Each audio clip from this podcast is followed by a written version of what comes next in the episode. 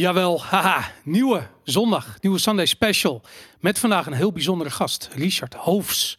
Huisarts en schrijver, auteur van een aantal boeken, die liggen hier op tafel.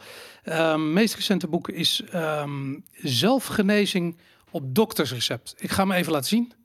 Zelfgenezing op doktersrecept. Richard, welkom. Ja, dankjewel Boris. Lachen. Even voor de, voor de mensen die het natuurlijk niet weten. Wij zijn uh, een tijd lang buren geweest. En toen kwamen we elkaar tegen in de sportschool. En toen praten we over gezondheid. En uh, nou ja, van het een kwam het ander. Ik vertelde over je boeken. En uh, wat ik zo tof vond aan onze gesprekken toen... is dat het eigenlijk inspeelde op iets waar ik een hele tijd mee bezig ben. En dat is namelijk dat ik vind dat mensen zelf verantwoordelijkheid moeten nemen over hun gezondheid. En vervolgens, als mensen zoiets hebben van ja, oké, inderdaad, dat moet ik doen, dan ontstaat er een soort zoektocht. Eerst een soort reddeloosheid van waar moet ik dan beginnen en hoe moet ik dat doen? En een soort zoektocht. En eigenlijk denk ik dat heel veel mensen jouw werk moeten kennen om die zoektocht een beetje een, een hoe noem je dat, een beetje een richting te geven of zo. Ja, dankjewel. Top. Nou, dan weten mensen gewoon waarom je hier zit. Want dit, ja. Uh, ik, ik, ja, ik kijk al heel lang uit naar dit, uh, naar dit, ge, naar dit, uh, naar dit gesprek. Ook omdat we natuurlijk uit best wel een turbulente tijd komen. Weet je, ik bedoel, los ja. van de corona. Maar eigenlijk zie je dat mensen sowieso veel meer aangewezen zijn op zichzelf. Um, je, ik bedoel, je bent natuurlijk ook huisarts. Um, en ik, ik weet niet hoe jij dat ziet, maar ik ben altijd verbaasd als ik in Nederland naar de huisarts ga. Dat ik, um, als ik zeg dat het probleem ingewikkeld is, dan heb ik 20 minuten. En als, anders heb ik gewoon 10 minuten de tijd. en in die 10 minuten heb je net je jassen uitgetrokken en aangewezen waar je elleboog pijn doet of zoiets. Weet je, dat, dat was het dan wel. En ik vind het zo raar dat gezondheid altijd gepropt moet worden in, dat, in die 10 minuten, um, in dat 10 minuten gesprek. Ja, is uh, vrij bizar eigenlijk. Um, in die 10 minuten moet je ook nog de patiënt ophalen. Uh, met je meelopen naar de kamer. En, dan moet die jas nog uit, moet mensen nog gaan zitten. Dus vaak heb je maar acht minuten eigenlijk. En in die acht minuten uh, moet je het uh, anamnese doen, het verhaal doen, het onderzoek doen en dan diagnose stellen en beleid bepalen. Ja. Dus dat is heel veel in een korte tijd. En, nou, ik werk in een antroposofische praktijk op antroposofische basis. Dus wij geef mensen iets langer de tijd, 15 minuten. Als het wat uh, uitgebreider is, een half uurtje. Ja. Uh, maar dat vind ik zelf ook wel minimaal, anders kan ik echt nauwelijks uh, mijn werk doen. Ja. En um, ja, dan nog um, ja, is het dat je soms wel echt op moet letten dat je binnen de tijd blijft. Ja. Ja. Het is, de achtergrond van dat hele model is, is een financieel. Hè, van, dus de zorgverzekeraar die betaalt uit uh, per patiënt. Daar is maar zoveel tijd voor. Om ja. een voorbeeld te geven, als je naar de, de huisarts belt. Uh, dus dus dan uh, krijg je de assistente die gaat vragen wat je, wat je hebt en waarom je bij de dokter wil komen en mm -hmm. wanneer. Nou, dan moet in twee minuten. ja, dat, dat betaalt de zorgverzekeraar. Over twee minuten moet het klaar zijn. Ja. Nou, meestal duurt het vier, vijf minuten. Ja. In, in onze praktijk, we hebben wel eens nagekeken, want wij met die COVID zijn we volledig uit als vroeger geblazen. Met, met, met, met van alles en nog wat. Ook een mega lange wachttijden. En mensen best wel ontevreden en terecht, omdat we gewoon niet bereikbaar waren. Mm -hmm. ja, dus alle extra telefonisten, assistenten voor aangenomen. Bleef nog een uh, chaos in mijn ogen. Waren nog gewoon veel te slecht bereikbaar. Maar bij ons was het ongeveer dus ja, 10, 10 minuten. Ja. 12 minuten. Dus vijf keer zoveel dan een zorgverzekeraar betaalt. Ja. En hetzelfde geldt met die... Met die uh, ja, met die consulten, 10 ja. minuten. Hè, en dan moet je er dus uh, zes in een uur doen. Ja. En dat de hele ochtend door. En dan uh, je visites rijden. Twee, weet je drie. Wat, weet je, in de middag weer. Ja. Weet je wat ik zo raar vind daaraan? Als ik dan opbel naar de receptioniste en, en weet je, die vraagt inderdaad wat heb je? En dan zeg ik, ik heb gevoetbald, ik heb pijn aan mijn enkel. Weet je, en dan, ja. dan oké, okay, duidelijk, weet je, nou kom maar langs dan en dan. Ik vind het raar dat ik niet de optie heb om te zeggen van nou, ik heb een uur nodig. En wetende dat dat misschien wel, weet ik veel, 400, 500 euro kost om zo'n consult te hebben. Maar de optie bestaat niet. Ja. En dat vind ik raar, weet je. Want normaal gesproken zou je zeggen van oké, okay, ja. voor elke markt is een, uh, um, bij wijze van spreken, een, een oplossing te vinden. Maar ja. hier niet. Het maakt niet uit of de huisarts een jaar ervaring heeft of 30 jaar ervaring heeft. Het is 10 minuten. Klopt, het is, kijk, als, als praktijk is jouw, de manier waarop je werkt, uh, is ook beperkt, zou ik zeggen. Kijk, in mijn ogen, als je iets meer tijd geeft aan mensen, dus een half uurtje, dan komen ze ook minder snel terug. Dus heb je het minder. Je kunt veel meer doen. Ja. Je kunt mensen meer ook uh, op wat ze zelf kunnen doen, op hun autonomie daarop uh, kun je ze in begeleiden. Ja. En, uh, dus je werkt zelf prettiger en, en, en, je kunt meer ondervangen. Dus ik ben het met je eens van, ja, waarom kan het eigenlijk niet? Dat je gewoon wat meer, meer ruimte hebt, wat meer tijd hebt. Het is ook zo dat uh, in mijn ogen met al die zorgverzekeraars, die dan zogenaamd met elkaar uh, moeten concurreren om het uh, goedkoper te maken volgens de minister, ja. om de zorg beter te maken, dat, dat werkt gewoon niet. Nee. Die marktwerking in de zorg is gewoon een fiasco in feite en dat, dat zie je steeds terug. Dan ja. krijg je allerlei excessen mee. En een van die excessen is dat je als huisarts uh, eigenlijk continu uh, met je rug tegen de muur staat. En dan allerlei uh, romslomp moet voldoen. Want het is niet alleen mensen in een tien minuten ja, zien. Het is ook zeg maar dat je ook allerlei papieren moet invullen. Overal moeten toestanden weer machtigingen. En dat, dat, dat, is alleen maar meer geworden. Ja, Ze zeggen steeds van het wordt minder. Nee, het wordt alleen maar meer. Het is, het is één het is eigenlijk in mijn ogen eh, alleen maar slechter geworden. Ja. Kijk, vroeger had je gewoon de ziekenfonds en je had particulier. Veel ook van alles over te zeggen, maar je had veel minder uh, extra kosten voor. Uh, als je kijkt, al die reclames, al die panden waar die mensen in zitten, is gigantisch. Ja. Dus, vroeger had je gewoon één man die bij langskwam. Toen, toen ik net begon, want ik ben nu uh, 20 jaar huisarts, iets, iets lang, 22 jaar. Ja, was dat allemaal niet. Ja. Al die, die mega overhead dat, dat maakt, moet allemaal betaald worden. Dus het wordt alleen maar meer, het wordt alleen maar uh, mechanischer. En die, die marktwerking, dat is begonnen toen met balkende eigenlijk. Hè. Daarvoor was nog een uh, vies woord. Toen ja. ik net huis was, had je het eigenlijk helemaal niet over geld. Maar toen moesten met marktwerking, artsen moesten met elkaar concurreren, ziekenhuizen met elkaar concurreren. Het werkt gewoon niet, gaat ook niet werken. Is alleen maar een weg die, die, die, die doodloopt. Het is, het is namelijk nooit een vrije markt geweest ook. Het is altijd bepaald van bovenaf. En dan kun je niet zeggen van oké, dan moet je gaan concurreren. Ja, je kunt niet de regels neerleggen en zeggen binnen die regels moet jullie gaan concurreren. Weet je, dan krijg je een soort race naar de bodem. Dat is, het is uh, helemaal geen markt. Nee, precies. Inderdaad. Het is helemaal geen markt. Nou, ik vind dat. Dus, ja, je doet dat ook niet. Je mag best wel wat verdienen, omdat je ook. Uh, qua verhouding, zou ik zeggen, veel inspanning heb geleverd en zo in mijn ogen. Maar eigenlijk moet je het helemaal niet commercieel maken. Nou, ik, ik moet je er eigenlijk een beetje uithalen. Voor mij, ik, ik, ik vind, uh, je hebt in Amerika heb je een aantal artsen die podcasts hebben en die, die zijn zich gaan specialiseren in specifieke gezondheidsissues of Um, nou goed, je hebt een aantal van dat soort artsen die komen langs bij Joe Rogan en praten daar over hun ideeën. Weet je, Rhonda Patrick is er eentje, maar goed, er zijn er een aantal. En uh, ik heb begrepen dat die artsen die nemen je aan. Dan moet je echt bijna solliciteren om als eh, patiënt aangenomen te worden. Die begeleiden je gewoon gedurende een jaar lang. En die doen bloedonderzoek regelmatig. Die, die echt de meest uh, vooruitstrevende nieuwe behandelmethodes. Nu is het bijvoorbeeld heel hip om uh, hormoon replacement therapie te doen voor mensen die een laag testosteron gehalte hebben. Waar je hier in Nederland nog bijna niemand over hoort. Maar dan betaal je wel 20 tot 40.000 dollar per jaar ik net zeggen, voor je huisarts. Ik ja. net zeggen, in Amerika is schrijnend voorbeeld van, van een, een steenrijk land in feite, waar uh, toch wel, ja, in ieder geval een, een groot deel van de bevolking uh, het heel slecht heeft, ook qua gezondheidszorg. Ja. En um, ik, uh, ik heb een tijd, was ik bij een, een bepaalde ashram, een bepaalde guru. En die zaten ook in New York. Dus ik was er regelmatig ook met andere artsen. Kwamen we dan bij elkaar gewoon om te filosoferen over gezondheid en over zorg. En dan vertelde ik dus dat je in Nederland dan visite reed als huisarts, dat, je bij dat dat normaal was. En die mensen die konden ze gewoon niet geloven. Die dachten echt van... Ze komen bij jou langs, toch? ja, die konden echt niet geloven. Dus jij gaat langs die mensen en dan... Ja, ja, het is gewoon iedere middag. Eh, waarom doe je dat dan? Ja, mensen zijn ziek, dus je moet er naartoe. Ja, ja. Ja, dat was... Uh, ja, dat uh, kenden ze daar niet. Die mensen die ik eh, sprak, kenden dat niet. Nee, dat. Is, uh, ja. Hey, ik, Ik, ik, ik heb het idee, ik weet niet of, of, of dat zo is. We hebben net al even kort over gesproken voor, voor deze opname.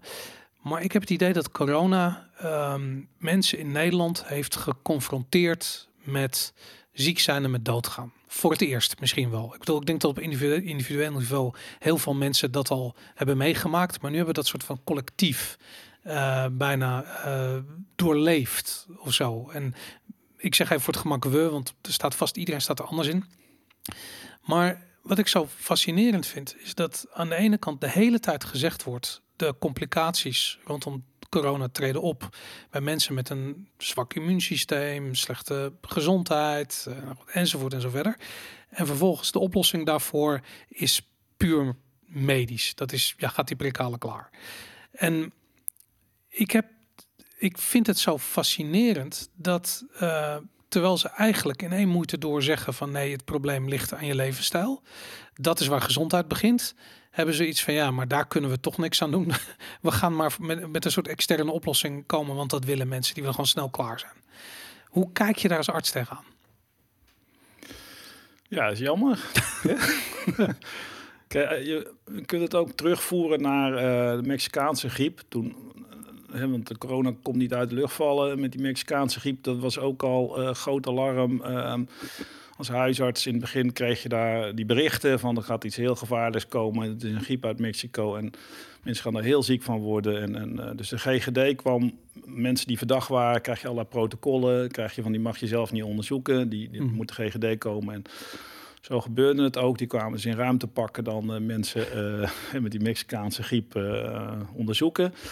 En uh, in één keer was er een eh, viroloog. Uh, Ab Oosterhuis. Ab Oosterhuis, ja. Die, die, die ook uh, vond dat mensen in tegenstelling tot andere landen twee keer gevaccineerd moesten worden. Dus Nederland kocht voor, ik geloof voor een paar honderd miljoen aan die vaccins in. En um, ja, je had daar allerlei richtlijnen ook voor. En daar stond wel keurig in vermeld, dus dat hij belang had bij die richtlijnen, omdat hij aandeelhouder was van de vaccins. Dat was keurig vermeld. Maar goed, ja, blijft toch dubieus, hè, zoiets. Ja. Maar goed, toen bleek die hele Mexicaanse griep om tegen te, of uh, mee te vallen. Dus voor sommige mensen, de, de, mensen werden helemaal niet zo ziek. Dat was eigenlijk veel mildere griep dan, uh, dan gebruikt. Dus die tweede vaccinatie is nooit gekomen en dat de hele scala is overgewaaid. Ja. En, maar dat plan is weer teruggekomen, uh, de hele uitvoering zou ik zeggen, in 2019 met, met COVID. Hetzelfde verhaal, er kwam een uh, coronavirus onze kant heen uh, waaien. Corona hebben we wel veel vaker mee te maken. Uh, eerder zijn ook al dit soort verhalen over corona gekomen. Maar deze keer was het uh, wel raak. En ehm, ik werkte, want ik werk nu in, in Eindhoven. Mm Het was eerst nog gewoon in, in Eindhoven. En ja. Ehm, dat was ook wel fascinerend. Ik kwam dan vanuit het noorden, reek een paar dagen in, in Eindhoven te werken. En dan kom je echt, als je, als je echt in een veld van angst. Als je in het zuiden komt, echt een veld van angst. Dat moet je zelf ook, ook heel goed bij jezelf blijven onderuit. Iedereen was zo bang. Ja. Dat is na carnaval ontstaan. Ja, tuurlijk. omdat ze hebben daar die eerste golf. Uh... Mensen gingen eerst skiën. Ja. En daar een beetje après skiën. En dat, dat, eh, dat zet natuurlijk lekker door. En daarna de carnaval in. En die carnavalbom. Dan komt er echt een explosie gewoon. Ja. En dat was ook wel heel erg, uh, heel erg nare operaties die me niet meer plaats konden vinden. Uh, gewoon chirurgen die echt ook, ook wel in paniek waren. En, en, en ja, heel erg verslag dat ze mensen niet meer konden opereren. Mensen moesten met spoed andere ziekenhuizen gezocht worden. Het, het, was echt... Omdat die ziekenhuizen vol lagen met coronapatiënten? Ja, ja, ja, het was echt wel heel stevig. Heb jij echt zieke mensen gezien toen? Ik bedoel, ik ben heel erg benieuwd hoe de. Gaan mensen naar het ziekenhuis omdat ze in paniek zijn of omdat ze echt daadwerkelijk geen lucht meer kregen? Hoe was dat toen? Ja, mensen die, uh, er waren best wel wat opnames en ook wel mensen met, met stevige klachten. Hm. Uh, ik werkte zelf niet in het ziekenhuis, maar ik heb wel uh, op de huispraktijk gewerkt. Ik heb nauwelijks zieke mensen gezien eigenlijk. Okay. Wel wat, wat, sowieso was het beleid toen heel terughoudend om hm. mensen te zien. Hè? Dus triage via de telefoon. En uh, twijfelgevallen lieten wij mensen komen. En dan uh, ging je ook in je pak. Maar ik zag eigenlijk weinig uh, zieke mensen. Maar ik hoorde die verhalen. En, en, en de verwijs was moeilijk. Dus om een voorbeeld te geven, die, die, die Ronald Koeman, hè, die ja, ja. trainer, zoals ik die voetbaltrainer, die ehm, ja, die had toen pijn op de borstklachten. Dat hebben ze uitgesteld. En dan bleek naderhand toch wel uh, dat hij echt serieuze hartklachten had. Ik, dacht zelfs een infarct of iets. Hmm. Maar dat was dus uitgesteld voor hem om bij de cardioloog te komen. Zo was die situatie uh, toen. Dus dat is, um, dat is ook uh, de kant van het verhaal. Ehm, maar als we kijken, wat, om terug te komen op jouw uh, antwoord op jouw vraag, ehm, wat kunnen mensen er zelf aan doen? Heel veel natuurlijk. Daar ligt, daar ligt de opening. Ja. Als je, uh, er zijn toch maar 3 tot 5 procent van de mensen die, die echt uh, klachten krijgen. Van, mm -hmm. of, ja, iedereen krijgt klachten, maar die, die dusdanige klachten krijgen dat ze naar het ziekenhuis moeten. Ja iedereen krijgt klopt ook niet. Niet iedereen klaagt klachten. Je krijgt van milde tot geen klachten tot enorme klachten. Maar het is maar een kleine groep die echt hele stevige klachten krijgt. Ja. Die groep die bestaat uit kwetsbare ouderen ja, uh, en mensen met metabol syndroom. Ja. En dan mensen met een verminderde weerstand. Dat zijn dan jongeren, maar dat is een hele kleine groep. Ja. Grote groep is kwetsbare ouderen. En die gingen ook allemaal naar het ziekenhuis. Als je 3 tot 5 procent van heel braaf, best wel veel. Ja. Wat, wat dan in één keer komt. En mensen met metabol syndroom, dat wil zeggen, er zijn mensen die gewoon eigenlijk antipositas hebben, dus te dik zijn, daarbij suikerziekte hebben, daarbij hypertensie hebben, hoge bloeddruk hebben, daarbij hoog cholesterolgehalte hebben. Ja. En bij die mensen kun je heel veel doen met leefstijl. Ja, ja dat snap ik inderdaad. Heel eventjes terug naar um, um, dat idee. Hè? Ik bedoel, jij bent, uh, je noemde het net al even heel kort, maar je bent aan de ene kant natuurlijk huisarts. En aan de andere kant zijn je boeken gedreven door jouw spirituele zoektocht, om het maar even zo te zeggen. Zeker. zeker. Het zijn twee werelden die ja. samenkomen. Ja. Um, in jouw boek is dat heel duidelijk. Ja. Maar ik als buitenstaander, ik heb precies van hoe kun je die aan de ene kant die uber rationele, bijna overgecommercialiseerde wereld connecten aan een soort van spirituele wereld. Hoe, hoe kunnen die dingen samenkomen? Hoe werkt dat? Hoe kan je huisarts zijn als je spiritueel uh, gedreven ja, in, bent? In essentie is, gaat het gewoon natuurlijk. Je gaat die studie doen omdat je geïnteresseerd bent in, in, uh, in, in, de mens. Ja. Hey, je bent geïnteresseerd in wie, wat is een mens, wie ben ik zelf en, en wat, is, wat is gezondheid, wat is, wat is uh, ziekte. Ja. Daar, dat is je, verstrak, je vertrekpunt. En uh, nou gaandeweg hoor je zo een, een beroep in. Ja. Je heel die wereld eromheen. Maar het komt als we alles gewoon alle poespasten vanaf halen, dan gaat het gewoon om iemand die, die, uh, ja, die, die zorg, uh, die, die, hulp vraagt, die zorg nodig heeft. Dat is het eigenlijk. Is het dan mijn definitie van misschien wel de, ja, hoe zou ik het zeggen, de, de, de medische wetenschap nu, dat het gewoon te beperkt is? Want je kijkt er overheen. Als ik, als ik zelf genezing op doktersrecept lees, uh, jouw nieuwste boek, um, met ook een heel hoofdstuk aan corona gewijd. Um, dan heb ik het idee van, ik, ik lees heel veel over meditatie en over uh, terugkeren bij jezelf. Ook over, over voeding en levensstijl, dat soort dingen. Maar ook over, voornamelijk over hoe je in het leven staat. En ik, heb nog, ik ben nog nooit bij een huisarts geweest die me vroeg hoe ik in het leven sta. Of die heeft ook mijn woord over meditatie heeft uh, uh, gesproken. Dat, dat het verbaast me zo dat die, die twee dingen zo moeiteloos in elkaar uh, geschoven worden. Terwijl ik dat ook de afgelopen twee jaar nergens, maar dan ook echt nergens heb gehoord. Ja, bizar eigenlijk. Ja, nee, dat vind ik ook bizar. Ja. ver van huis. Ja. Hoe, hoe, hoe, waarom is het zo belangrijk dat die twee werelden samenkomen? Nou ja, het is, het is voor mij belangrijk. Het is mijn, het is mijn uh, levensvisie dat uh, uh, ja, je, je een ziel, je hebt een bezieling, je hebt, je, je, hebt een ziel die, die komt terug op aarde, die reïncarneert. En die zoekt jouw persoon uit om zijn leven vorm te geven. En wat gebeurt er nou bij een klacht of met een ziekte? Er is een bepaalde disbalans. Je raakt mm. ergens door uit balans. Dat is zeg maar de basis. En waar bestaat die disbalans uit? Als je het heel ver, heel simpel maakt, dan is er toch een, een disbalans tussen jouw bezieling en tussen jouw persoonlijkheid. Op een bepaalde manier wordt een signaal gegeven aan jou van, uh, vanuit je ziel van, van, van let op, hè, want hier, hier raak je eigenlijk uit, ja, vanaf je kern, hier raak je uit balans, hier raak je uit je kern. En om te kijken bijvoorbeeld met, met, um, met COVID, als, als maatschappij word je dan geconfronteerd met dat er dat je kunt overlijden. Mm -hmm. wat, wat eigenlijk vrij normaal is. ja, zou je zeggen, ja. ja, ja. Dat, dat draait eigenlijk van, van, ja, hoe zie je de dood? Dat draait, je eigenlijk, dat draait het eigenlijk om. En uh, nu krijg je dan te maken met een, met een stevige griep, met een iets hogere mortaliteit. Als we het, als we het helemaal uh, puur sec bekijken, 0,02 procent, uh, dacht ik, mortaliteit was. Maar dat, dat doodgaan, dat geeft zoveel angst eigenlijk. Dus maar wat is doodgaan? Hoe zien we dat eigenlijk? En dat is ook heel raar, dat we dat in onze maatschappij net doen of het er niet is, of het een taboe is. Waarom zijn we zo bang om dood te gaan? ja, misschien is het ook gewoon menselijk. Ik bedoel, je ziet een beer, je rent weg. Dat hebben we al gedaan vanaf de tijd dat we een soort van net vuur hadden uitgevonden. En we doen het nog steeds. Ja, maar als, kijk, als arts dan mhm. heb je te maken met zieke mensen, met mensen die overlijden. Ja. Dus het is van belang dat je uh, je afvraagt van wat gebeurt er als mensen doodgaan? Wat gebeurt er als ik zelf doodga? Hoe, hoe, hoe zie ik dat? Nog is voordat het, we daarover gaan einde of, of gaat het door? En wat is dan je taak als arts? Laten we nog even teruggaan naar wat je net zei. Van je hebt je persoonlijkheid en je hebt de bezieling. Dus jij zegt van oké, de, de mens is eigenlijk altijd een, een gereïncarneerde ziel in een nieuw geboren lichaam. Ja. Zeg ik dat goed? En dat die persoonlijkheid zit in dat lichaam. Ja.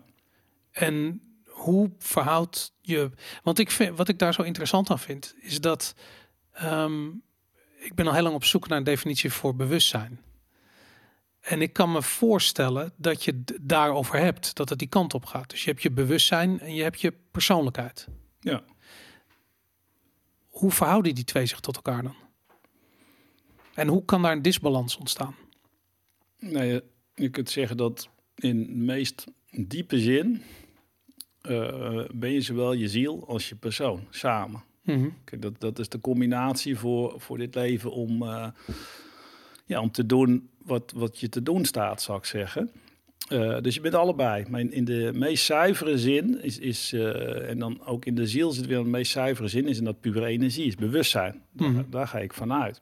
Als je, daar, als je daar verbinding mee kunt maken met die ziel, met dat positieve in jezelf, dat werkt helend. Kijk, als je kijkt naar gewoon een uh, heling ja. of, of zelfgenezing, zelfheling. Uh, dat is een mooie term, maar wat, wat, wat is het eigenlijk? Um, nou ja, er is in mijn ogen geen enkele dokter die een patiënt beter maakt. De, ook als huisarts, 70% van de klachten gaan vanzelf over. Vandaar dat het ook wel kan. nee, de meeste klachten gaan vanzelf over. Hè? Als, je, als, je, rustig uh, blijft, uh, dat, dat is wat je taak ook is om, om uh, een veld neer te zetten van rust. Mm -hmm. Dus dat is wat een dokter kan doen. Een veld creëren waarin de heling kan gebeuren. Of hij nou medicijn geeft, of dat hij nou met mensen praat, of dat hij nou iets hecht. Kijk, het lichaam geneest zichzelf. En dat gebeurt omdat er een ziel in zit. Als je, als je een, een overleden lichaam hebt, dus een lijk hebt, en je gaat dat hechten, dan, dan heelt het niet. Ja, ja, oké. Maakt sens, tuurlijk. Ja. Waarom is dat? Omdat er geen ziel meer in zit. Maar ook omdat het soort van het hart niet meer klopt en het bloed niet rondgepompt wordt en de witte bloedlichaampjes niet hun werk kunnen doen en de rode niet. En... Ja, dat komt omdat er geen ziel meer in zit. Dus de bezieling is eruit. Ja. Als je kijkt naar uh, bijna doodervaringen, dan uh, is er uh, um, dat wil zeggen, er heeft iemand onderzoek nagedaan. Hè? Uh, Raymond Moody heeft er onderzoek uh, nagedaan, Amerikaanse uh, psychiater. Ritchie heeft er onderzoek gedaan. En Pim van Lommel die heeft die onderzoeken bestudeerd en die heeft een eigen onderzoek gedaan en dat gepubliceerd in de Lancet en daar een boek over geschreven. Mm -hmm. dat, dat, is een, een cardioloog. Hè? Ja. Lommel was gefascineerd door mensen die dan gereanimeerd werden en die hun verhalen vertelden. Nou, dan blijkt dus dat als iemand geen hartslag meer heeft, en dus ook geen hersenfunctie, want die valt dan ook uit, mm -hmm. dat die mensen toch bewustzijn hebben. Dus ze hebben toch ervaringen. Ervaring waarin ze zichzelf zien liggen, of dat ze ervaring van dat ze naar het licht gaan, ervaring van ontmoetingen met overledenen, ervaringen met, met uh, hoe zij het goddelijke ervaren. Dus het kan Jezus zijn, of het kan Allah zijn, het kan Boeddha zijn. Uh -huh. Het zijn allemaal gelijksoortige ervaringen. Hij Ja. heeft best veel mensen onderzocht. En eh, geïnterviewd. En dat komt eigenlijk allemaal daarop neer. Er zijn dus in ieder geval bewustzijnservaringen, terwijl er geen eh, hersenfunctie is. Dus dat eh, is bewijs dat bewustzijn mogelijk is zonder hersenfunctie. Wat Dus is dus- bewustzijn dan? Nou, bewustzijn is niet... Lichamelijke. Nee, het is niet zeg maar die, die, die, die, eh, ehm, die hersenen, die, die synapsen met die neurotransmitters. Het is niet biologisch. Het gaat verder dan het biologisch. Biologisch is eigenlijk eh, wat, ehm, wat ontvangt, wat het bewustzijn ontvangt. Maar het bewustzijn staat los van het lichamelijke. Ja. En oké, dan over de disbalans. Jij zegt eigenlijk, want ik, ik, ik heb meerdere podcasts gedaan met artsen. En mijn eerste vraag was altijd, wat is gezondheid? En uh, ik heb van alles gehoord. Van de afwezigheid tot ziektes, tot aan uh, inderdaad het uit balans zijn. Um, zou je zeggen dat, een, dat de disbalans altijd zorgt voor ziektes? Zijn alle ziektes het gevolg? Ik begrijp als je been breekt dat dat misschien gewoon een wat andere oorzaak heeft. Maar wat voor soort ziektes kun je verwachten op het moment dat je niet in, niet in balans bent? Ja, wat is ziekte? Je kunt ziekte definiëren, ja, je kunt het op allerlei manieren definiëren. Je kunt zeggen van uh, ziekte is gewoon een. Uh, er zijn allerlei klachten die je dan hebt. He, zo kun je ja. ziekte zien. Wat, wat, is gezondheid? Gebrek aan ziekte. Zo zou je gezondheid kunnen definiëren. Um, je kunt het nog ietsjes breder maken. Dat klopt natuurlijk ook. Hè? Mm klopt. Je kunt nog ietsjes breder maken in mijn ogen. Dat je zegt van, goh, als je in balans bent... Hè, en je bent dichter bij jezelf, dan, dan ben je in wezen gezond. Ja. Hè? Dus balans ligt, is de basis van, van uh, gezondheid. En uh, wat, wat is nou helemaal in balans zijn? Ja. Van, en hoe uitzicht dat? Als je iedereen kent dat wel, dat je momenten hebt dat je helemaal samenvalt met jezelf, dat je gelukkig bent, dat je tevreden bent, tevreden, dat is een goed woord daarvoor. Mm. Dan ben je in balans. Een bepaalde rust komt erbij kijken, een bepaald vertrouwen, veiligheid, een bepaalde autonomie, een bepaalde liefde zelf, liefde, uh, naar buiten brengen, creativiteit. Dat zijn allemaal balans, ja. balansmomenten. Uh, als je uitbalans, dan ga je eigenlijk weg van jezelf. Dan ga je meer gericht op, op de buitenwereld, verwachtingen van andere mensen, uh, uh, vluchten in, in middelen, dat soort dingen zijn, zijn uh, dat je uitbalans gaat. Is het nou altijd zo dat je, dat je klachten ontwikkelt als je, als je uit balans bent? Ja, bepaalde klachten, signalen, je lichaam reageert daarop. Ja. Bijvoorbeeld je hartslag, als je hartslag gewoon mooi rustig is. Mm -hmm. zijn ook bepaalde meditatietechnieken voor. Ook uit Soefisme mediteer je op je hart, op je hartslag. Je hartslag kun je ook heel, heel rustig maken. Er zijn ook mensen die helemaal stil kunnen zitten. Maar als je hartslag rustig is, dan is een signaal dat je in, dat je in balans bent. Mhm. Als je hartslag heel onregelmatig is, dan is een bepaalde disbalans in jezelf. Ja. En het is, het ligt nog wat ingewikkelder natuurlijk dan dan dit. Hè. Je hebt ook nog te maken met, met, met vorige situaties. Hè. Dus bijvoorbeeld je DNA, wat, wat, wat dingen met zich meebrengt. Je, mhm. je genetische pakketje wat je meekrijgt van je ouders. En dat hangt ook weer samen met je voorouders. Dus dat hangt ook samen met je, uh, met je karma. Ja. Met je, uh, van, van, waarom je bij deze mensen op je nog verder geboren wordt. Met je voorgeschiedenis, vorige levens. Dus het zit vrij ingenieus helemaal in elkaar. Mm maar als je, ehm, als je het heel erg, ja, zeg maar, uh, to the point bekijkt, dan, dan als je uit balans bent, dan krijg je signalen van je lichaam ehm, ja, die je helpen om weer te kijken naar waar het om draait voor jou in je leven. Ja. ja. Oké. Ehm, ik, ik, vind een mooi voorbeeld. Ik geef dat voorbeeld in mijn boek van mhm. pasgeboren schildpadje. Die, uh, die vindt, terwijl zijn ogen nog niet zo goed werken en zijn oren werken nog niet zo goed, dat schildpadje die, die komt uit het ei.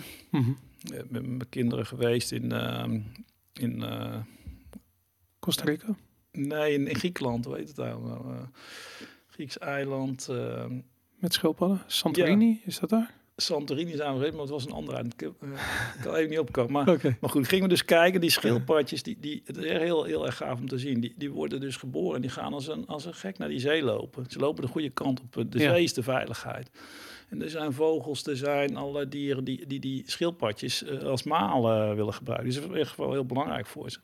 Hoe vinden ze die weg naar de zee, terwijl toch het niet allemaal zo goed werkt, is doordat ze ook naar hun hartslag luisteren. En die hartslag die blijft gewoon in balans regelmatig kloppen. En zo vinden ze de weg rechtstreeks naar de bron, terug naar de zee toe. Zo is het eigenlijk ook voor ons. Als we naar ons hart luisteren, naar onze intuïtie luisteren, naar onze bezieling luisteren en ook gewoon concreet naar de hartslag zelf luisteren, dan, dan kun je voelen eigenlijk wat, wat bij je past. Ja. interessant. Je hebt uh, nog een boek geschreven. Je hebt meerdere boeken geschreven, vier boeken zelfs, uh, heel meesters. Ja. En uh, dit was het eerste boek wat ik van jou las. En dit boek gaat over de Egyptenaren. Um, en hoe de Egyptische, in, in de voetsporen van de Egyptische shamanen is de subtitel. Ja ik had uh, daarbij zoiets. Ik, ik ben gefascineerd door de Egyptenaren. En ik heb allemaal soort van hele populaire wetenschappelijke documentaires gezien over dat de piramides eigenlijk elektriciteitscentrales waren en dat soort dingen. Maar jij hebt me een keer verteld dat je uh, in volgens mij de grote piramide van Giza. Uh, dat je daar de bewaker 50 dollar in zijn handen drukte en toen eventjes in de sarcofaag mocht liggen. Klopt. Ja. En dat dat een soort bizarre ervaring was. Hoe, hoe, hoe, wat, wat gebeurt daar? Wat zijn, wat gebeurt er in, wat gebeurde er in Egypte? Ja, dat, ik, ik was eerst vooral geïnteresseerd ook in, uh, in India, dus daar veel geweest. Hè. En ja. daarvoor nog als kind was ik net als jij geïnteresseerd in Egypte. Mm -hmm. daar boeken over, wat met de piramides en hoe die mensen leefden en zo. Ja.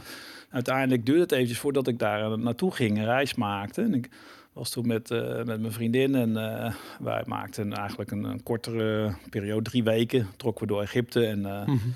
zo'n groepsreis. Dus ja, niet zo gek veel tijd met, met de tempels. Hè, dat je, je moest het uh, programmaatje afwerken en toen kwamen we bij de piramide. Dat was eigenlijk het, het eindpunt van, van de reis. Ja. En zij bleef buiten. zij, op een van de redenen wilde ze niet de piramide in. Mm -hmm. Dus ik ging alleen de piramide in. En ben je er geweest? Nee, nee, ik ben nooit geweest. Okay, nou, het is een gigantisch bouwwerk. Um, het is ja, het is ook best wel heet en heel veel gedoe rondom die piramides. Het is hmm. eigenlijk helemaal niet zo'n fijne plek om, te gigantische tourist trap natuurlijk. Ja, je, wordt, je wordt op een kameel getrokken of iedereen probeert je geld afhandig te maken. Dus je moet je eigenlijk daar helemaal doorheen vechten om in die piramide te komen. Ja. En ook in die piramide moet je weer opletten dat je niet, uh, weet je, weer van alles inleed, toestanden en... Uh, maar goed, dus goed bij jezelf blijven. Uiteindelijk uh, kwam ik dan uh, in die piramide en dan loop je, je kunt omlagen, dan kom je, onder, de, onder de piramide, dat is ook nog een ruimte. Ja. Schacht omhoog, dan heb je een zaal die heet de Koninginnenzaal en nog iets hoger ligt de Koningszaal. Mm -hmm. Die zalen heten niet echt zo, maar die term gebruiken wij daarvoor. Ja. En die Koningszaal, die, um, daar kwam ik dus uit en die viel me eigenlijk een beetje tegen, want dat is zo'n ruimte, zeg maar, zoals dit. Ja. Waar we nu in zitten. Alleen van uh, rood uh, graniet. Oké. Okay. En um, klam, warm. Dus het zit een soort van uh, stoomcabine. En in het midden staat een sarcofaag, inderdaad. Die zag ik. En, maar die zaal was gewoon helemaal vol weer met, met, met ik dacht, Russische toeristen. Misschien wel 200 man in die ruimte. En ja allemaal foto's maken. En dan uh, mag eigenlijk niet, maar die guard dan, die daar rondloopt natuurlijk vragen. Hm. En om de een of andere manier gingen die mensen in één keer allemaal naar buiten. En was ik alleen nog in die ruimte. En ik zat daar op de grond, een beetje probeerde die ruimte te voelen, hoe, het, hoe het er was. Hè. even rustig daar aankomen. Hm. En die, maar die man kwam op me af en die zei, goh, wil jij in die sarcofaag? Maar goed, ik had iets van, ja, het lijkt mij niet helemaal de bedoeling om hier in een sarcofaag, uh, hè, van, uh, ik zag het toen nog als, uh, als graf om ja. daarin te gaan. Goed, hij bleef toch wel aandringen. hij wilde... Ja, tuurlijk. en, goed, hij vroeg één pond inderdaad. Een, oh, pond. Een, ja, een pond, Egyptische pond, is niet zoveel. Maar ik mm. gaf hem gewoon 10 dollar inderdaad. Oké, okay, ja. Nou ja, vroeg 1 dollar, ja, en ik gaf hem 10 dollar, zo was het, ja. Dus toen kon ik daar rustig in gaan liggen. En, en je, je ligt dan eigenlijk, uh, ik heb er meerdere keren daarna ook in gelegen. Het, het, lijkt, ja, het is steen natuurlijk, maar het is toch ook wel heel glad, soort badkuip. En ja. ik werd eigenlijk als het ware in die badkuip gezogen. Uh, toen verloor ik het bewustzijn en ging ik um, omlaag. In, mijn in je ervaring, ervaring ja, ja, ging heel erg omlaag en tegelijkertijd omhoog. Dus het was een, ja, een uh, merkwaardige ervaring. En, dat en weet je niet. waarom dat gebeurde? Ik had geen idee. Ik, ik, ik lag Weet je het nu? Uh, ja, ik kan, kan wel iets. Oké, okay, oké. Okay. Nee, ik ben heel benieuwd namelijk, ja. En, maar ik verloor dus een soort van... Ja, ik, ik bleef bij het bewustzijn, maar ik raakte uit die ruimte. Ja. Ik vergat eigenlijk helemaal dat ik daar was. Ik was niet meer in die... Ik, ik, ik was gewoon zo... Ja, ik voelde me één verbonden. Dat was de ervaring. En tegelijkertijd heel erg in de aarde, heel erg naar boven. Dus, shoep, energie. Uh, toen kwam ik weer bij, toen was die ruimte weer helemaal vol met, met, met rust. En Terwijl jij daar... Ja, ja. Dus toen kroop ik uit en die man was nergens te bekennen. Okay. dat is iets van hier wil ik niks mee te maken. Ja, ja, ja. ja, ja, ja had zijn geld binnen, dus hij was... Ja, En ik ging naar buiten en ik kwam uh, mijn vriendinnetje tegen. En, uh, dus die vroeg van, goh, was er nog iets uh, te doen in die pier? Ik zei, nou, nou ging wel... had jij iets mee? Maar nee, nee, nee. Dus wij gingen zo heel rustig. Ik, ik wilde echt even... Na de hand hebben we het wel eens gedeeld. En tot de dag van vandaag staat het me bij. Dat is voor mij een bijzondere ervaring. En uh, dat is wel leuk van, ja, bijzonder van Egypte. Van heel veel mensen hebben die ervaring. Het is niet dat ik zo dat zo heb. Maar gewoon meerdere mensen hebben die ervaring in de piramide. En meerdere mensen hebben ervaring in tempels dat ze dingen meemaken. Ik heb mhm. veel reizen daar gemaakt. En uh, kom bijna nooit tegen dat iemand geen ervaring heeft. Bijzondere bezielingservaring, zou ik zeggen. Ja, je zou kunnen zeggen dat. Uh, dus de Kundalini doorstroomt en kosmische energie in je zak tegelijkertijd. En dat je daardoor verruimt. Dat, En, en wat, hoe, wat voor rol speelt de piramide daarin? Nou, die piramide die, uh, dus die bestaat uit een basis van, van vier, hè, een vlakke van drie. Dus het is eigenlijk een verbindings, verbindingselement. Mhm. En als je dan kijkt naar uh, die, die kamer, daar zitten schachten in. Uh, en die schachten die zijn gericht op, op de sterren op de kosmos. En er zijn twee schachten gericht uh, op uh, Orion en op uh, Sirius. En dan op de grote beer en op de Poolster. En dus de twee schachten zitten in de koningskamer, twee zitten in de koninginnenkamer.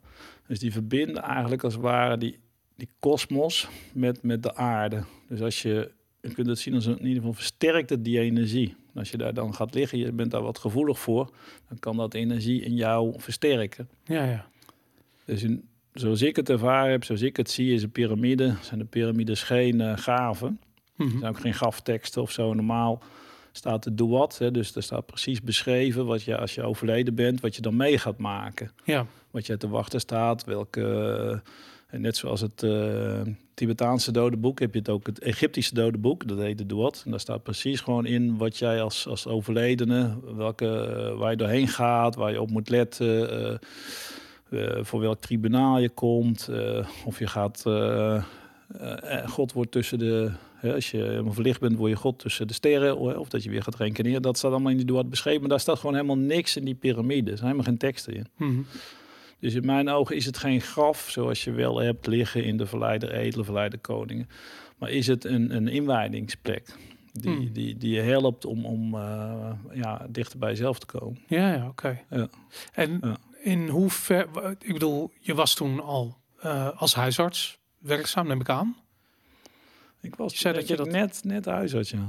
Wat, ja. wat, wat voor soort, wat, wat, wat doet dat met je... Um, laat ik zo zeggen, je moet toch mensen een soort van iets gaan vertellen over gezondheid. Ja. Uh, zonder dit soort, zonder groot, een grotere context, omdat je hebt 10 minuten, dus of 15 minuten of 20 minuten dan in jouw praktijk waar je het ja. Maar je gaat mensen toch iets moeten, moeten meegeven over de context waarbinnen ze gezondheid kunnen um, ja, najagen, ervaren, weet ik het, opzoeken, balans kunnen herstellen. Hoe, hoe werkt dat? Hoe doe je dat? Ja, mijn ogen is je, je kunt alleen mensen dat bijbrengen wat je eigen ervaring is. Als je het zelf ervaren hebt, dan weet je waar je het, waar je het over praat.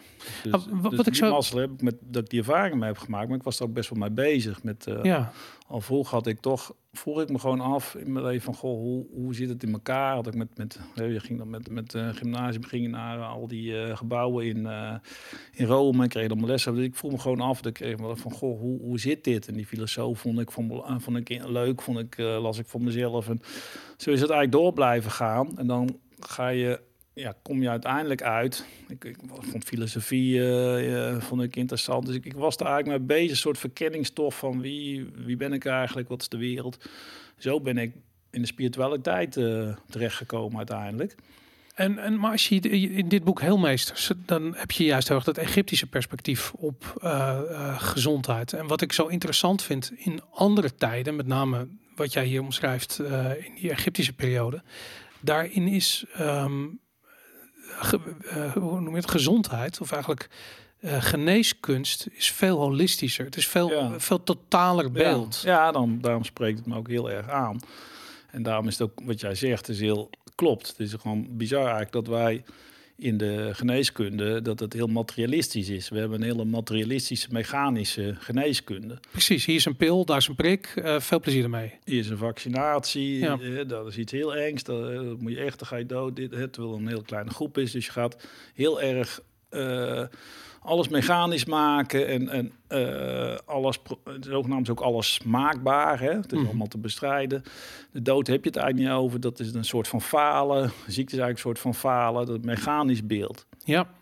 Wat ook weer niet zo gek is, omdat we in een mechanische maatschappij uh, leven. Het draait allemaal om consumptie, ja. om uh, geld verdienen. Materialistisch beeld vind ik dat we, dat we hebben, ja. waar we ook in vastlopen. En zo'n crisis als corona, die, uh, die is ook niet voor niks. Hè? Dat, dat komt in mijn ogen ook voor, voort. Um, wat ook de oorzaak mag zijn, maar in ieder geval dat we uit balans zijn. Ja. Maar in Egypte, waar uh, dus onze basis ligt, daar gaan, gaat uh, de arts, de heelmeester, gaat ervan uit dus dat uh, er een disbalans is tussen de ba en de ka, zoals zij dat noemen. Mm -hmm. De ba is de ziel, de ka is de persoonlijkheid. Persoonlijkheid bestaat uit lichaam, je, je mind, je emoties. Die combinatie met ja. elkaar. Als er disbalans is, dan ontstaat een klacht. Dus de, de priesterarts die helpt je eigenlijk om die balans te herstellen. En als jij een klacht hebt, dan wend je je tot, uh, tot de priesterarts. Uh, of tot een, het beeld wat voor de tempel stond. Mm -hmm. De priesterarts, laten we daarvan uitgaan, dan gaat hij mediteren op wat voor jou van belang is. En dan komt hij terug met uh, of bijvoorbeeld kruidentherapie, of het kan ook zijn chirurgie, want ze waren heel goed in chirurgie. Ze konden bijvoorbeeld een treponade, de schedellichten bij subduraal hematoom, dus hersen, dus een bloeding net onder de schedelpalm, is bewezen dat ze dan doorleefden, de mensen. Knap. Ja, ja, dat kon ze, ja.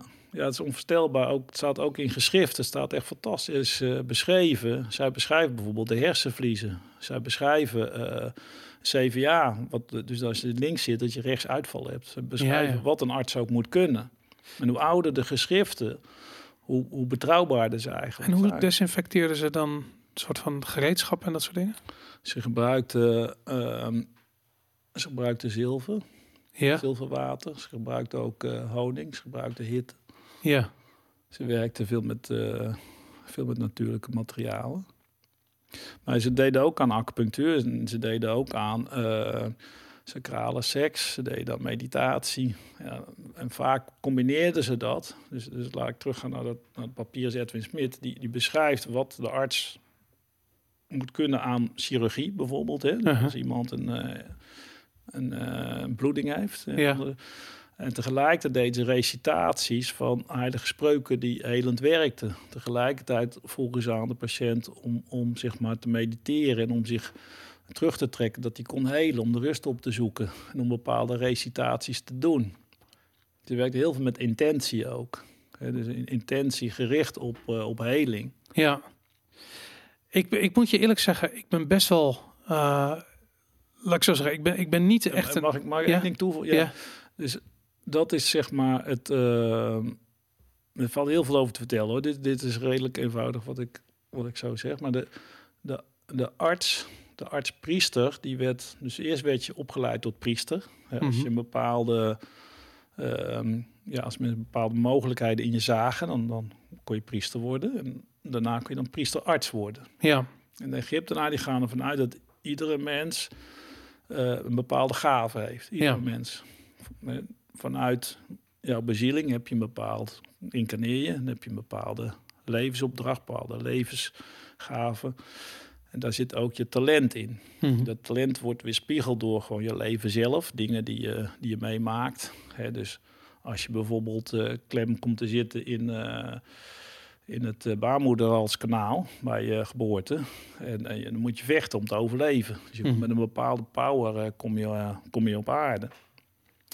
En uh, dat zijn mensen die die power ook nog in zich meedragen. Die hebben een bepaalde, bepaalde gave, bijvoorbeeld als advocaat of als rechter.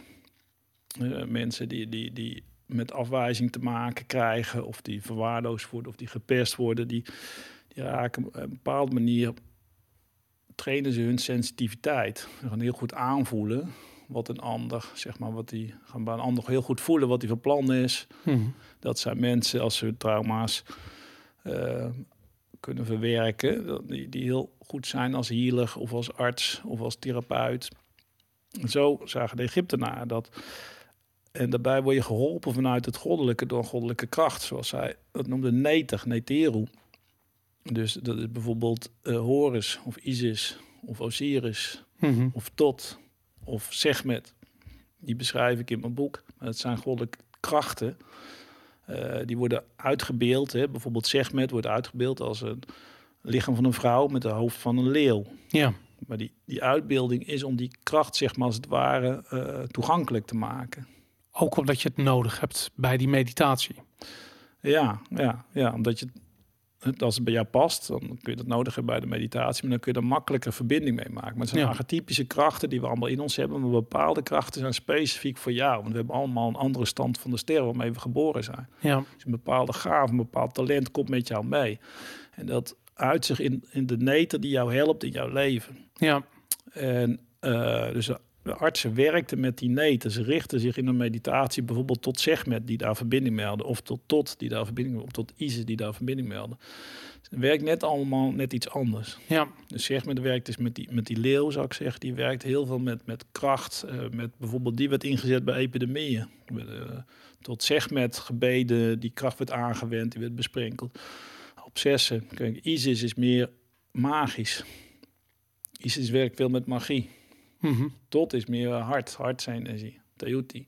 En, maar nog even, Dus dat zijn, dat zijn zeg maar totems die, die de Hm. artsen hielpen, afhankelijk van bij welke, met welke gaven ze eh, geboren werden, maar ook bij welke, tot welke groep ze behoorden, zou ik zeggen.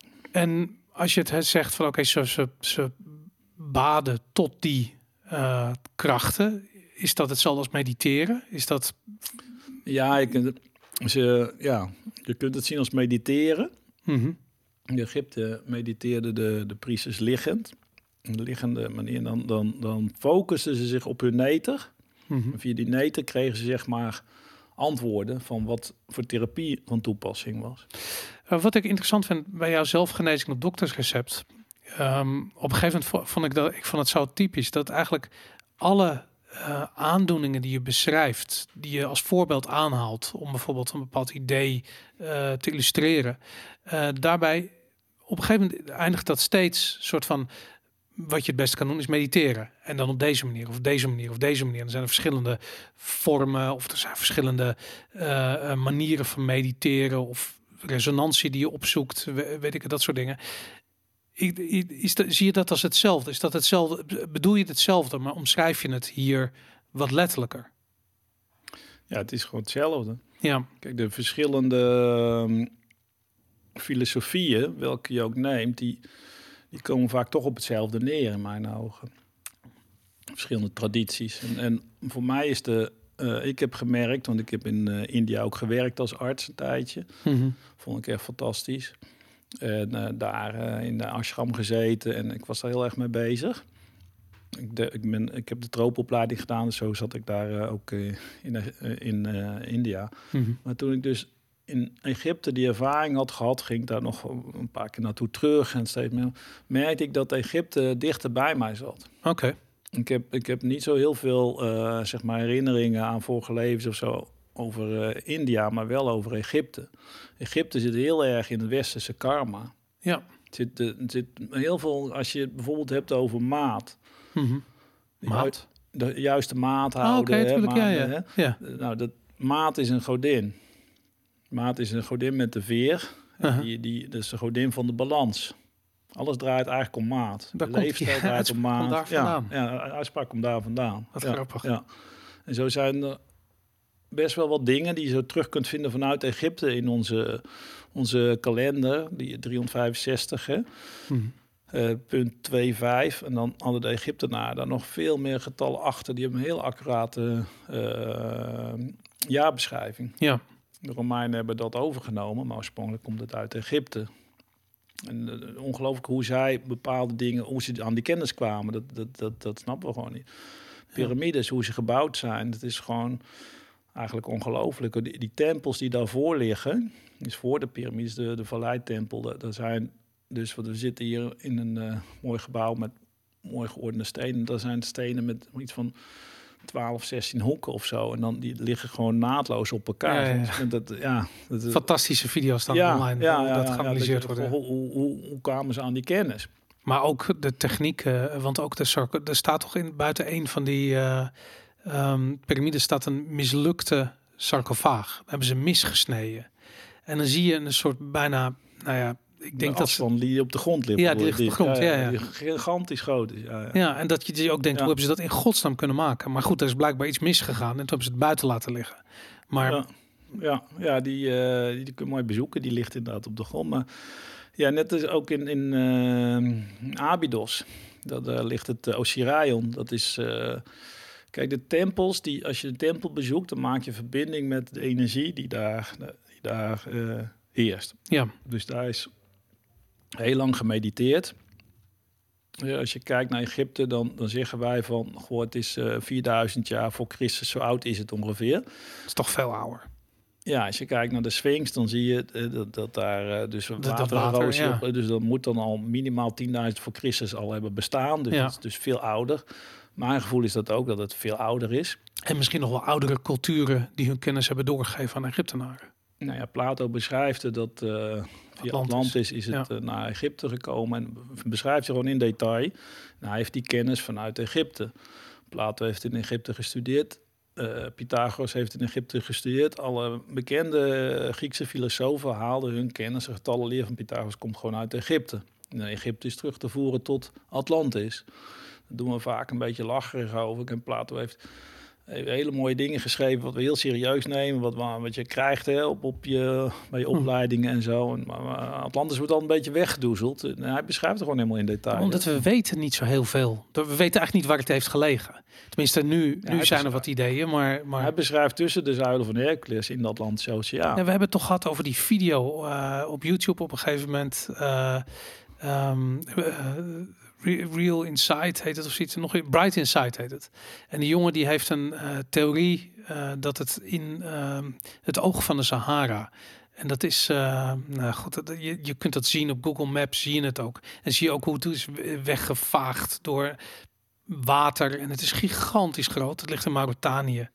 We hebben het hier wel eens over gehad, maar ik, ik weet niet. Misschien moet ik het je laten zien. Dan, het is fascinerend. Het, ehm, er zijn, er zijn, ja, ik, ik, ik behoud bij Plato, die, die beschrijft in de Atlantische Oceaan in feite. En um, dat maakt ook wel, ja, dat heeft ook wel, uh, makes sense. Maar van, je hebt dus in, in Egypte piramides, je hebt in Mexico piramides, dit ligt er tussenin. Ze zeggen van dat in um, hoe heet het, Bermuda, dat daar raken toch al die kompassen, dat daar ook een piramide ligt. Uh, er zijn ook allerlei theorieën theorie over.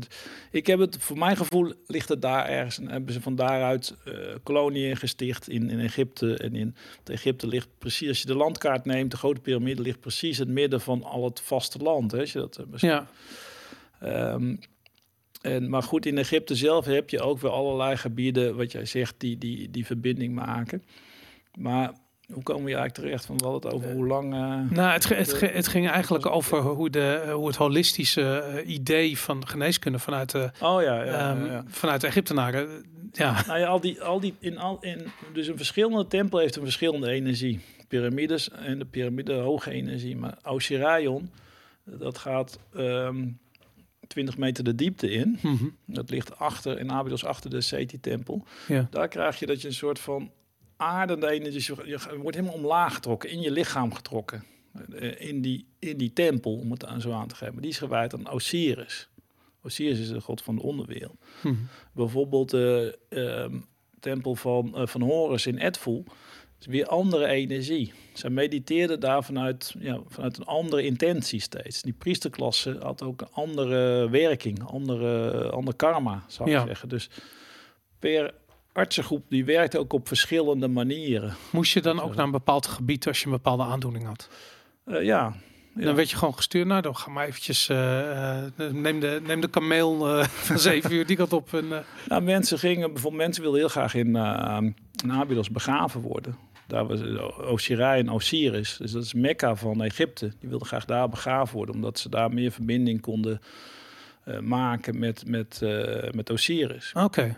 Dus dat, dat verhaal ken je hè, van Isis, Osiris en Horus? Nee, ik ben echt totaal niet thuis in dus, de Egyptische... Lion King ken je, van Simba. Ja. Dus dat Lion King is een oud-Afrikaans verhaal. Is in feite een Egyptisch verhaal. Dus het verhaal is dat ehm, uh, Osiris die, die heerste over, uh, over het land, over mhm. Egypte. Dat is uh, Mufasa in feite. Ja.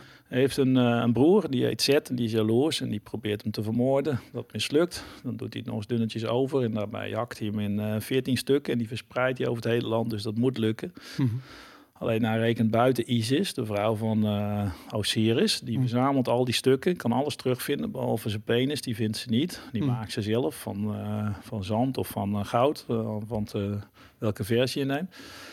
En zij heeft seks met, met Osiris, hè, en ze, terwijl die overleden is. Ze bevrucht zichzelf. -huh.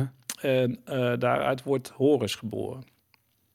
En Horus, hero, die mhm. trekt zich terug in het moeras. Daar verslaat hij allerlei, net als Simba, verslaat hij de schorpioenen en verslaat hij uh, uh, slangen. Die keert op een gegeven moment terug, verslaat Zet en brengt het licht terug in, uh, in het Rijk, in Egypte. Ja, dus, dus Horus is het symbool van het licht wat altijd het donker zal overwinnen. Dit is, dit is zeg maar het basisverhaal, basisverhaal, de basismythe van Egypte, waar alles om draait. Hmm.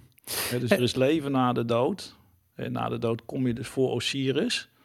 En dan, kom je voor, en dan leg je rekenschap af voor jezelf voor al je daden die je gedaan hebt. En dan wordt jouw hart gewogen tegen de veer van maat, waar we het net over hadden. Dus de, de godin van de kosmische orde, godin van de balans.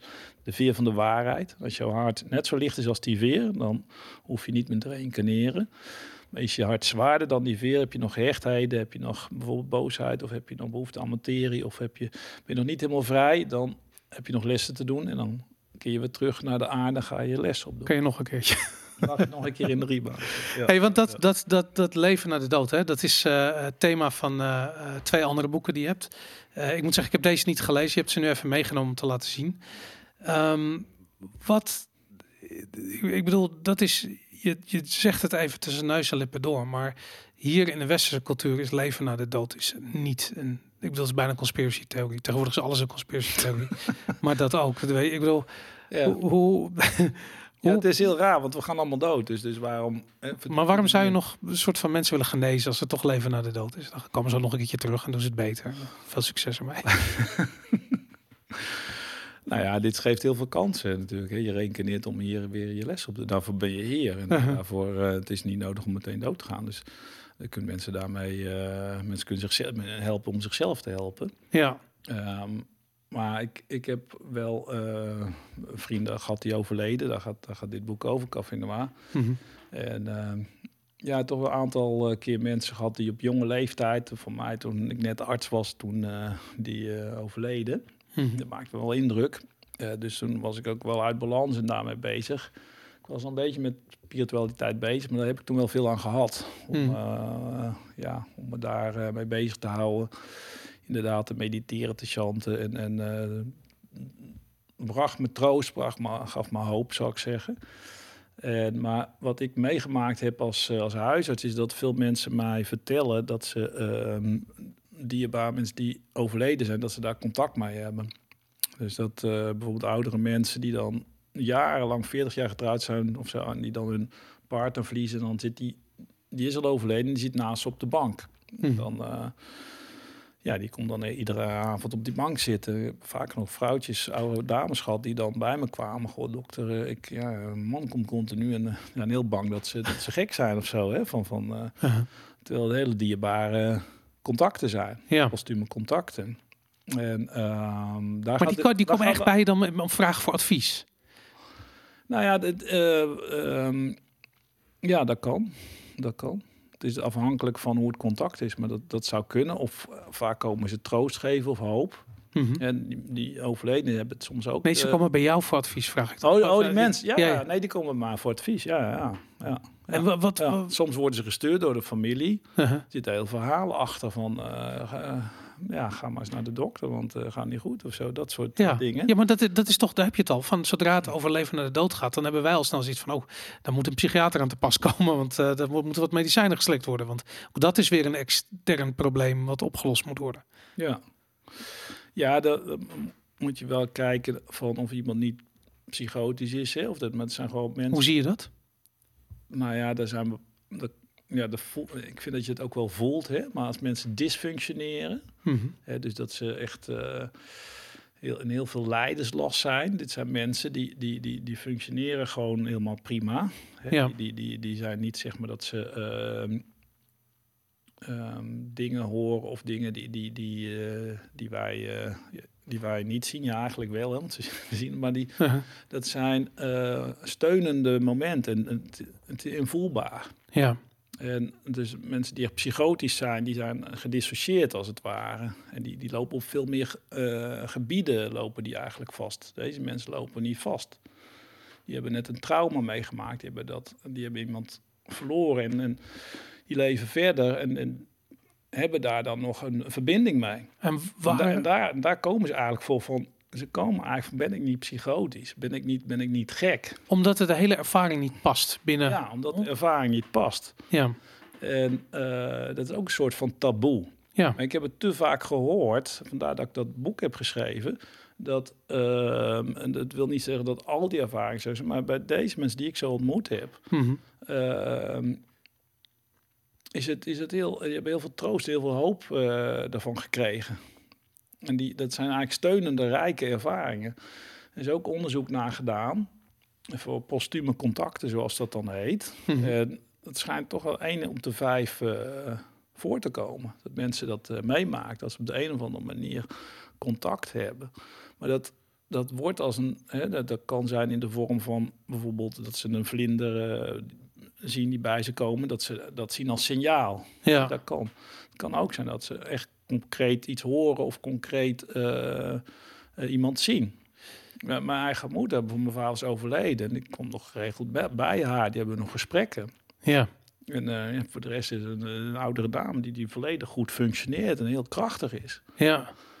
maar dat staat niet. Ik heb het gewoon te vaak meegemaakt de, de, dat mensen me dat vertelden. Ook andere. Maar goed, het staat, uh, staat in het boek. Ja, je, sta, je geeft in. Uh, in dromen ook. Heel sterk in dromen. Ja. En soms komt in dromen komen ook omdat mensen zo. Uh, jij zei dat net over dat verhaal. Hè, er staat een verhaal over een, een, een, Indonesisch echtpaar. Die dan, die vrouw die blijft eigenlijk heel erg uh, depressief en, en in de rouw. Dat ze in een droom signaal krijgt van haar man van, van, van dat ze door mag gaan met haar leven. Dat, ja, dat is jouw interpretatie toch van Want zij komt bij jou met de vraag: waarom word ik soort van komt mijn man elke, el, elke nacht langs, bij wijze van spreken? Nou, dat is een zeg maar een, uh, een optie die ik, uh, die ik geef. Hè, ja. kan zijn van, van, uh, van dat die. dat die troost biedt en dat die, dat die, dat die eigenlijk een signaal geeft dat je weer het leven mag stappen. Want zij voelt zich schuldig in eerste instantie, toch?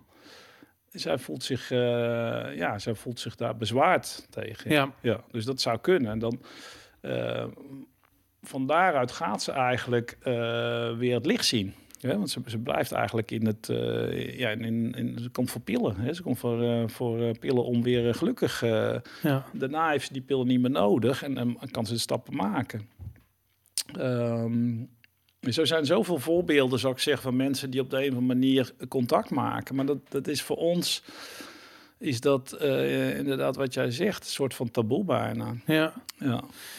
Ik vind het fascinerend. Ik, uh, het, is, het zijn zulke brede onderwerpen. Um, ik probeer, ik, ik, weet je dat ik, ik dacht van, we gaan dit gesprek, gaan we die twee werelden, hè? De, de, de, de, de, de bijna hyperrationele, moderne medische wetenschap naast die holistische, uh, uh, Egyptische of eigenlijk bijna, bijna spirituele benadering zetten. En ik ben er nog steeds, ik kan er nog steeds niet die twee werelden met elkaar verbinden. En dat heb ik al vanaf het begin, dat ik, dat, weet je, dat wij af en toe met elkaar is, praten. Maar... Het is eigenlijk ook en-en. Kijk, aan de ene kant heb je ook gewoon een materiële wereld. Die Ja. is er gewoon, maar leven in een materiële wereld. Daarnaast heb je een, heb je een spirituele wereld. Die, die twee hoeven elkaar niet te bijten. Kijk, als je uh, bijvoorbeeld als een been gebroken is, is er niks op tegen om dat been te spalken. Je kunt gewoon helemaal in materiële geneeskunde helemaal zeg maar als waar omhelzen. Ja. Dat zitten heel veel uh, voordelen in. Dus dat, dat hoef je niet weg te gooien. Maar het is wel beperkt. Materialistische levensvisie. Dat is, dat is wat de Egyptenaren deden. En materieel en spiritueel. En ja. een arts is ook tegelijkertijd toe. Dat moet je als arts kunnen. Je moet, aan de ene kant had je dus de taak om, een patiënt zeg maar, materieel te genezen. En daarnaast ook spiritueel.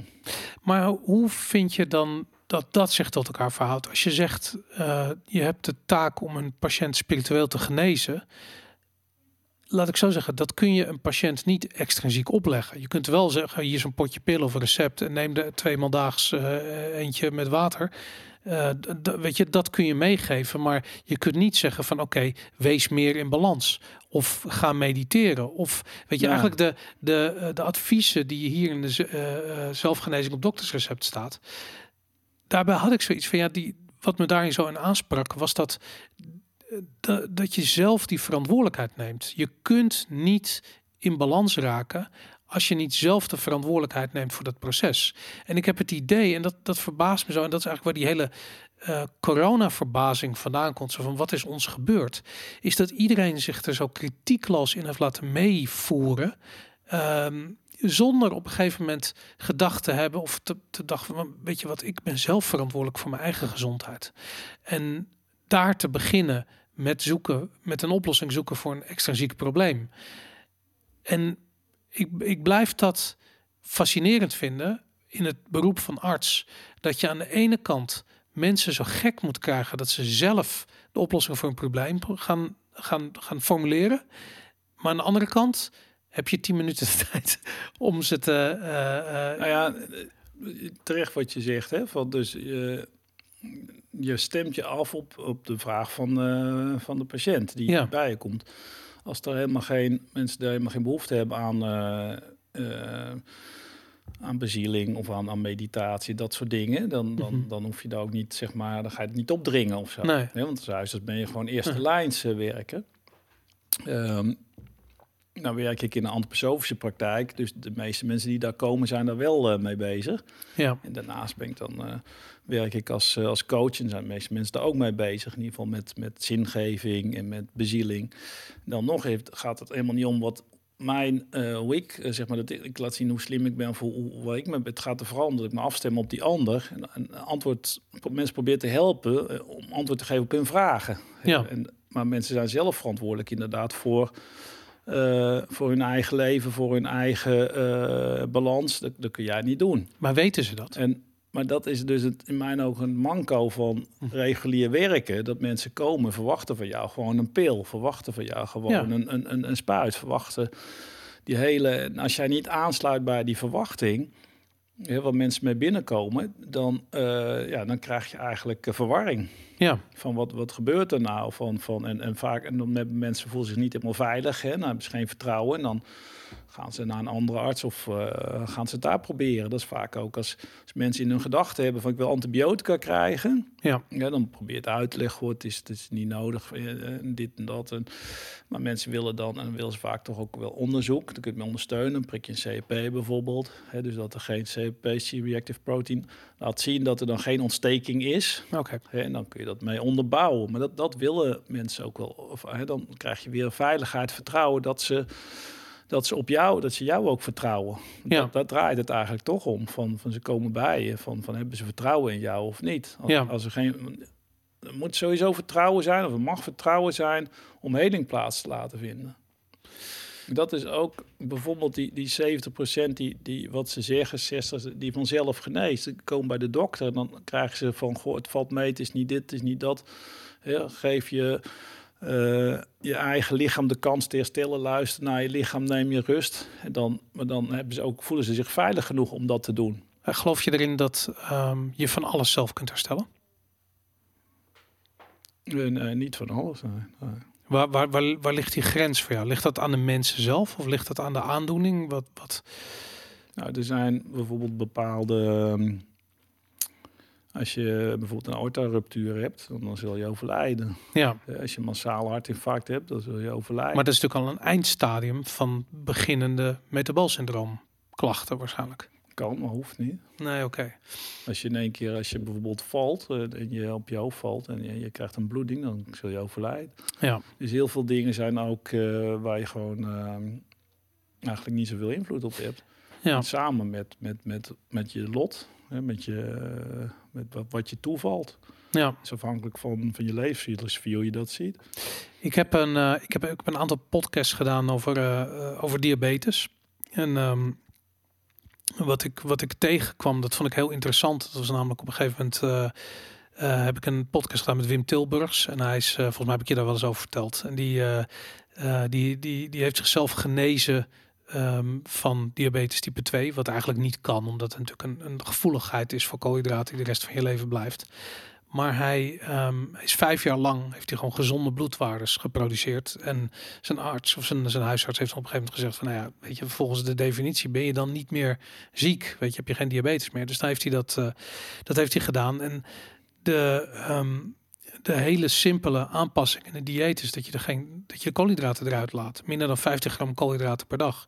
Toen ik dat ging doen, had ik na drie dagen had ik gewoon weer normale uh, um, ja, suiker spiegel. En eigenlijk heb ik zoiets van ja, hoe bizar is het dat je met zo'n. Het is natuurlijk heel zwaar, maar het kan een relatief kleine aanpassing zijn in je levensstijl. Je een ziekte kunt oplossen waar ik geloof driekwart van de Nederlanders uiteindelijk mee te maken krijgt. Nu is het volgens mij 50 procent, maar ze verwachten dat het dan driekwart gaat zijn over 20 jaar, 15 jaar, weet ik het. Het, het is een. Nou ja, ja, dat klopt. Uh, ben het met je eens. En dat is ook gek met uh, corona, dat daar zo weinig aandacht aan was. Ja. Aan die leefstijl. Of dat dat zo'n. Je ziet dat die. Ja, eigenlijk die. de overheid, de ministers, dat, dat ze een bepaald verhaal afdraaien. terwijl ze dan eigenlijk. Ja, er niet zoveel van af weten. Het zijn geen artsen. Zijn ze niets van af weten. Nee, ze, ze draaien gewoon een verhaal of wat tegen ja. hen verteld wordt. Maar er zijn ook best wel veel reguliere artsen. Ik ben ook gewoon regulier arts. Die, die zeggen, goh, dit werkt ook echt. He, terecht wat jij zegt bij uh, mensen die te dik zijn. Die hebben gewoon, he, mensen met metabol syndroom. Die, die hebben gewoon een verhoogde risico. Niet alleen bij corona. Op, Kanker, uh, van alles en nog wat. Hart- en vaatziekten. We, we, hebben nu influenza A. Ja. We, we hadden in 2018 hadden we ook... Uh, ja. Een, een, een griepgolf, die kwam toen niet. Er zijn ook best wel veel mensen overleden. Dus die mensen die hebben gewoon veel meer kans op uh, overlijden en ziekte. Ja. En het is relatief eenvoudig door inderdaad meer groente te eten. De helft van je bord groente, laat ik zo zeggen. Kwart eiwitten, een kwart koolhydraten. Dus niet wat wij doen, drie kwart van je bord vol met friet of met aardappels. gewoon maar een, een, klein gedeelte. Brood, brood, brood en nog eens brood en pasta aan de avondeten. Ja, dus, dus de, en dan volkoren pasta nemen. In plaats dat, dat, zo het heel ingewikkeld is het ook weer niet en wat meer bewegen. Het is uh, ja, wat ik in dat boek beschrijf met uh, die blauwe zones. Die mensen die 100 worden, ja. dus die vijf blauwe zones in de wereld. Die mensen die, uh, dat vind ik dan een bewijs voor een holistische leefstijl dat dat effect heeft. Die mensen die zijn uh, ja, die zijn eigenlijk uh, relatief gelukkig, hè, wat ik begrepen heb. Mm -hmm.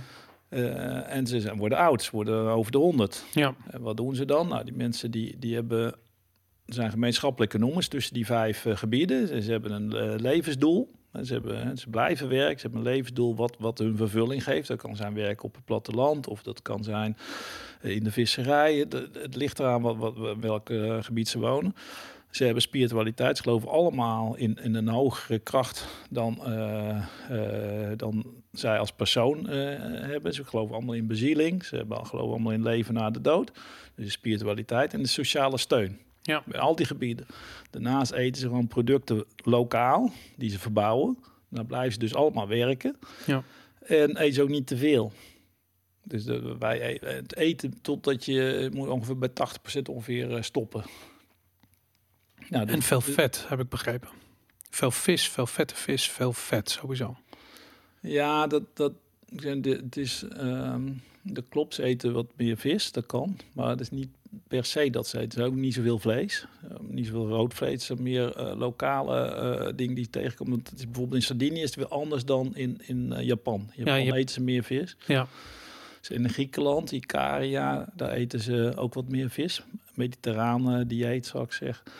Komt wel allemaal ongeveer met op hetzelfde neer. Dus veel groenten, lokale producten, ehm, niet te veel koolhydraten, uh, niet te veel eiwitten. Die, dat ze stapels met vlees eten. Een beetje eten, een beetje. En uh, kijk, op, op die manier, dat geeft blijkbaar dus voor die mensen de basis dat ze uh, welzijn hebben. En op, met welzijn dus ouder worden. Ja. wij worden wel ouder. Ik had een keer een ander met iemand daar een gesprek over Egypte. Die zei, goh ja, je bent zo met Egypte. En, uh, maar goed, die mensen werden wel niet zo oud als wij. Die werden 40 ja, al waar, Ramses de tweede, die was, die was wel 90, dacht ik. Maar uh, ze hadden wel meer welzijn in mijn ogen. Het is niet alleen maar oud worden. Het moet niet het doel zijn. Nee, voor mijn ogen is het. Nee, in mijn ogen is het doel dat je, dat je gelukkig bent, dat je vervulling hebt en dat, dat, dat een leven zin heeft. Ja. Alleen maar oud, we kunnen, als je wat eerder overlijdt, is mijn oog minder uh, erg. Als je dat op een, uh, dat je een fijn leven hebt gehad, dan dat je per se een leven uh, blijft met heel veel mankementen en heel veel lijden eigenlijk. Heel goed punt, namelijk wat je zegt, omdat we, ik geloof, we hebben een heel groot percentage van mensen die aan antidepressiva zitten. Vooral omdat hun zingeving, dat is een issue hier in het Westen. Ja, ja, dat is zeker een issue. Dat is ook dat is ook een uh, leidersdruk. Ja. Hè? De, de, de, eh, hoeveel burn-out je wel niet hebt. Precies. Dat is echt, echt, echt, echt, echt mega. Mega burn-out heb je. Zo'n, uh, ik geloof dat van mensen die werken 30, 40 procent burn-out heeft die dan bij de bedrijfsarts komt. zijn. ja. Bizar. Maar die zie je dus heel erg veel. En heel vaak breekt het mensen. Ze worden heel erg overbelast door dat, dat mokerhoog tempo waar we in, in zitten.